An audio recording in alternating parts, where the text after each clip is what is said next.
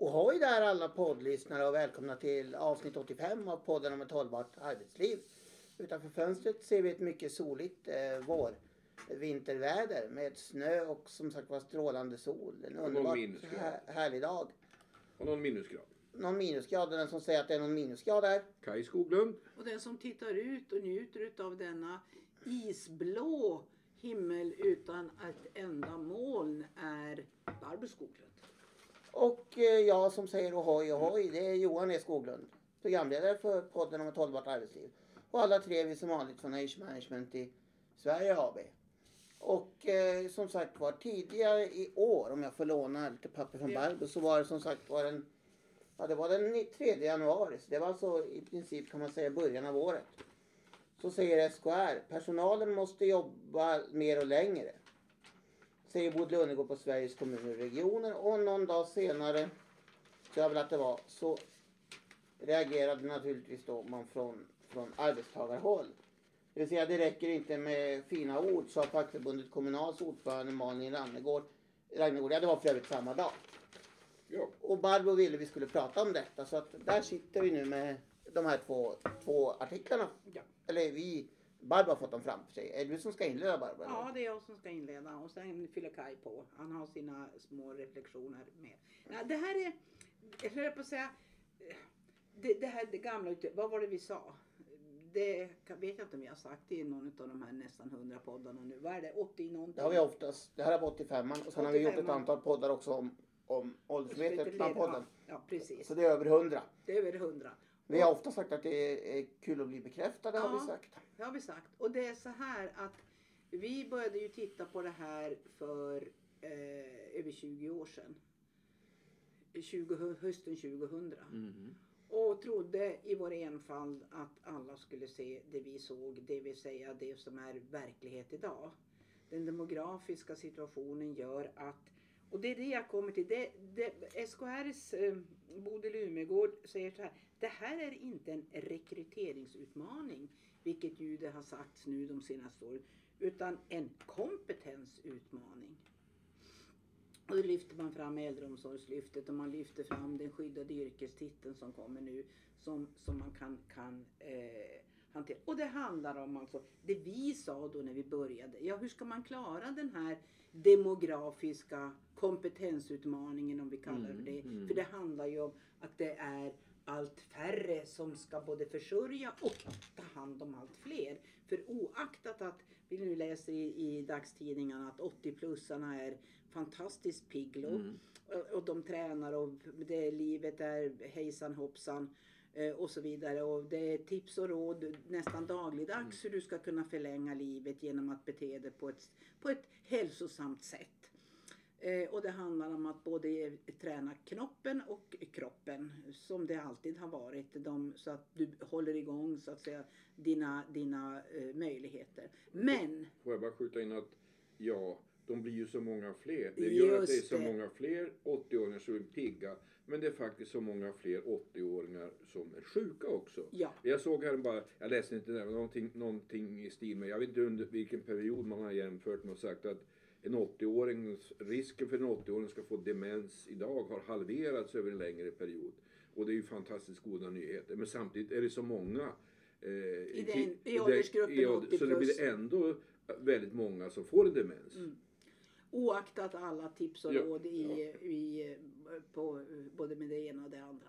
Men att det är en, att arbetslivet är nu mitt i den kompetensutmaning som det vi pratade om då när vi var som mest i, Mm. i selen kring det här från, på, i början på 2000-talet. Då sa vi man måste tidigare ut på arbetsmarknaden och eh, eh, senare, eh, tidigare in så att man kommer in på arbetsmarknaden och senare ut. Mm. Och då är det så här att det är det här senare ut nu som det faktiskt börjar att, att eh, diskuteras. Och det är ju det Kommunals ordförande med. Det räcker inte med fina ord.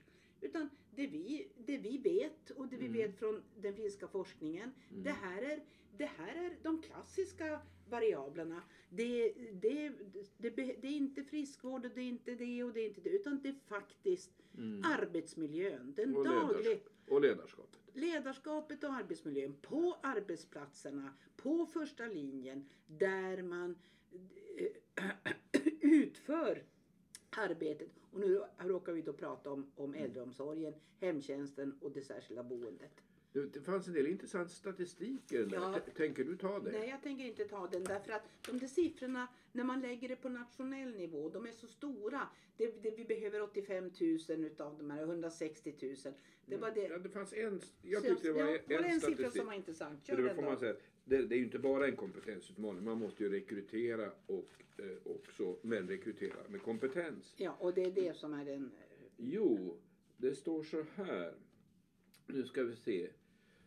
Den potential man pekar på det är ju om de som jobbar deltid Ja. skulle jobba tre timmar mer i veckan. Om pa- genomsnittliga pensionsåldern höjs med två år, vilket är rätt mycket, så skulle man minska behovet av fler anställda med 100 000 personer.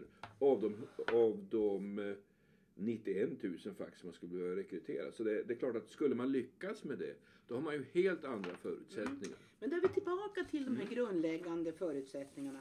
Det handlar om arbetsmiljö och vi vet också då från, när man frågar eh, medarbetare vad, vad skulle göra att du, får, att du skulle vilja fortsätta att arbeta efter 62 eller 65 eller 67 eller vad- vad beroende på vad man nu är i för eh, pensions så att säga cykel. Och ja, den viktigaste faktorn är för det första då, Mm, delaktighet och inflytande som är de grundläggande faktorerna för, för en bra arbetsmiljö. Jo, jag vill bestämma när och hur mycket jag ska arbeta. Och det här ställer då krav på olikheter Mm. i det sammanhanget. Och det ställer också krav på att man har alltså en, en flexibel planering i sin, i sin delaktighet. Vissa vill, vill arbeta eh, bara vissa helger. Andra kan tänka sig att ställa upp vissa dagar i veckan och så vidare. Så det här kräver ju naturligtvis en, en innovativ schemaläggning. Ja. Ja, På tal om schemaläggning så sker det ju en intressant sak. Eh, Och det är de här så kallade ryggpassen blir ju praktiken förbjudna i det nya kollektivavtalet som träder i kraft i 1 oktober. Och det är ju EU som har framtvingat det. Det betyder att man kan inte längre, vilket är ganska vanligt, jobba kanske till nio eller tio på kvällen i till exempel hemtjänsten och så gå, på igen klockan sju nästa morgon. Det kallas för ryggpass. Ja. Du, får inte Eller väntpass också. Eller väntpass. Du får inte den vila som eh, Nej, man nej. då förväntas. Som man nu har bestämt att det är o, det befrämjar ohälsa att man inte får den här Risk vilan. för ohälsa. Risk för ohälsa. Nu är det då så här att eh, livet är ju så visst inrättat så att vissa personer upplever inte alls att det här är jobbigt. De till och med gillar de här De till och med gillar de här ryggpassen. Därför att det, det ger möjlighet till eh, längre ledighet eftersom att du koncentrerar arbetet på det sättet. Mm. Så det är klart att ah, nu, och nu blir det förbjudet så nu, nu de utmönstras. Ja, det Under- finns vissa eh, undantagsmöjligheter men det är exceptionella fall. Man Ja. kan inte ha det generellt Nej, undantag. nej. Men, men man, man kan säga så här, då, det utmönstras punkt. Mm, mm. Och det betyder att, att eh, Eh, systemen måste anpassas till det. Men vi kan väl säga så här att det är, det, eh, vi har ju varit med i matchen länge. Och det här med, med schemakonstruktioner. Det som, det som eh, är en del i eh, digitaliseringen, eller den digitala utvecklingen är ju att konstruktörer utav eh, schemasystem är med och så att säga vad, vad man kan göra, vad man inte kan göra, vad modulerna tillåter och inte tillåter. Eh, och, och det här har vi stött på i en hel del olika uppdrag vi har haft där eh, eh, schemakonstruktörens sätt att se på verkligen ställer till det. Mm, För därför att mm. schemat, det går inte att göra i det, i den schemakonstruktionen.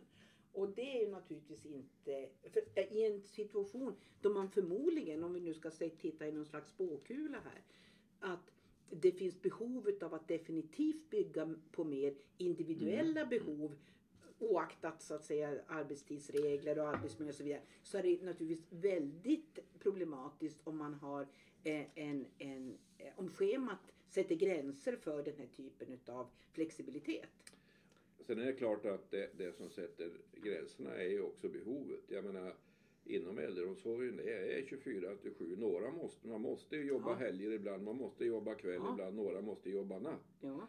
Eh, så att, eh, Men det är ju, en- det är ju en del i yrkeskonstruktion. Ja. Det, är ju, det är ju ingenting som, som man, eh, alltså det, det, är villkoren när man Mm, går in i en sån bransch. Det, jag tycker också att vi kan lyfta som ju finns med i den här artikeln som ju, det går i skarpt läge nu första juli. mm, Som ju har aviserats under, under något år. Eh, och det är att den skyddade yrkestiteln undersköterska eh, går i full sving. Eh, och det beror på att de första som har gått ut med det nya utbildningssystemet kan man säga där alla läser samma kurser men det är inte valbart på samma Mm. sätt som tidigare. Eh, och man ställer krav på svenskkunskaper för att man ska kunna skicka in, vara behörig att ansöka om den skyddade yrkestiteln. Eh, och själva, de, alltså de, det är ute på remiss.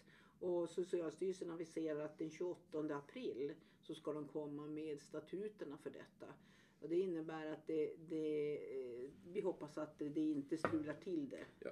Stru, det, det, jag, jag är ju den som brukar befara strul i det här sammanhanget. Men det kanske inte alltid, jag hoppas att det inte blir så.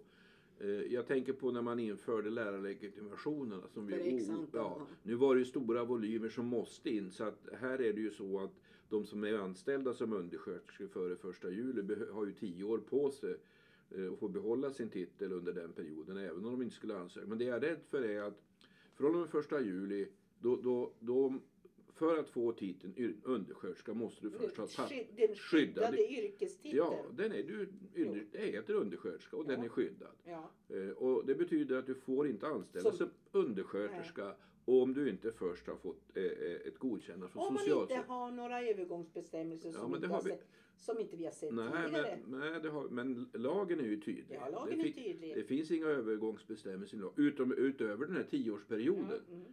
Men i alla fall, men om det nu, om det nu mot förmodan får väl jag säga, du tror att det kommer övergångsbestämmelser. Nej, jag tror- inte- är- Men om vi, om vi tar den reservationen, Jag om det inte kommer. inte, jag Det som, ja, men det som är problemet är att man kan skicka in sina papper den första juli och det samma dag ska eh, Socialstyrelsen börja det här.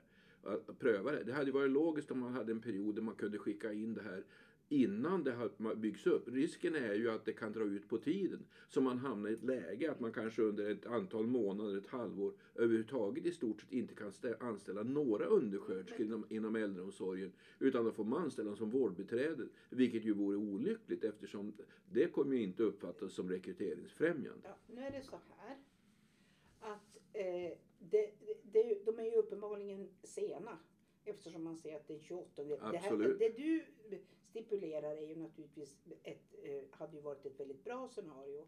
Men Mm. Eh, då, då man ska, den 28 ska man gå ut med att tala om vad, vilka kriterier det är för alla som man vill ska söka. De, de här nyexade, de enda som kommer ut nu, det är ju sådana som inte har gått det nya systemet från Mm. gymnasieskolan. De har inte gått det. Nej. De har gått den gamla Mm, utbildningen. mm. Utan det är de som har gått en, en ettårig eller en och en halvårig på, på vux med det nya yrkespaketet som liksom går in i den nya skyddade yrkestitelkriterierna. Utan det, det de ska göra på Socialstyrelsen det är att tala om vad de som har de tidigare utbildningarna Mm. vad, vad det är för kriterier för att du ska kunna ansöka om skyddad yrkestitel. Och det är det som kommer Mm. ut den 28.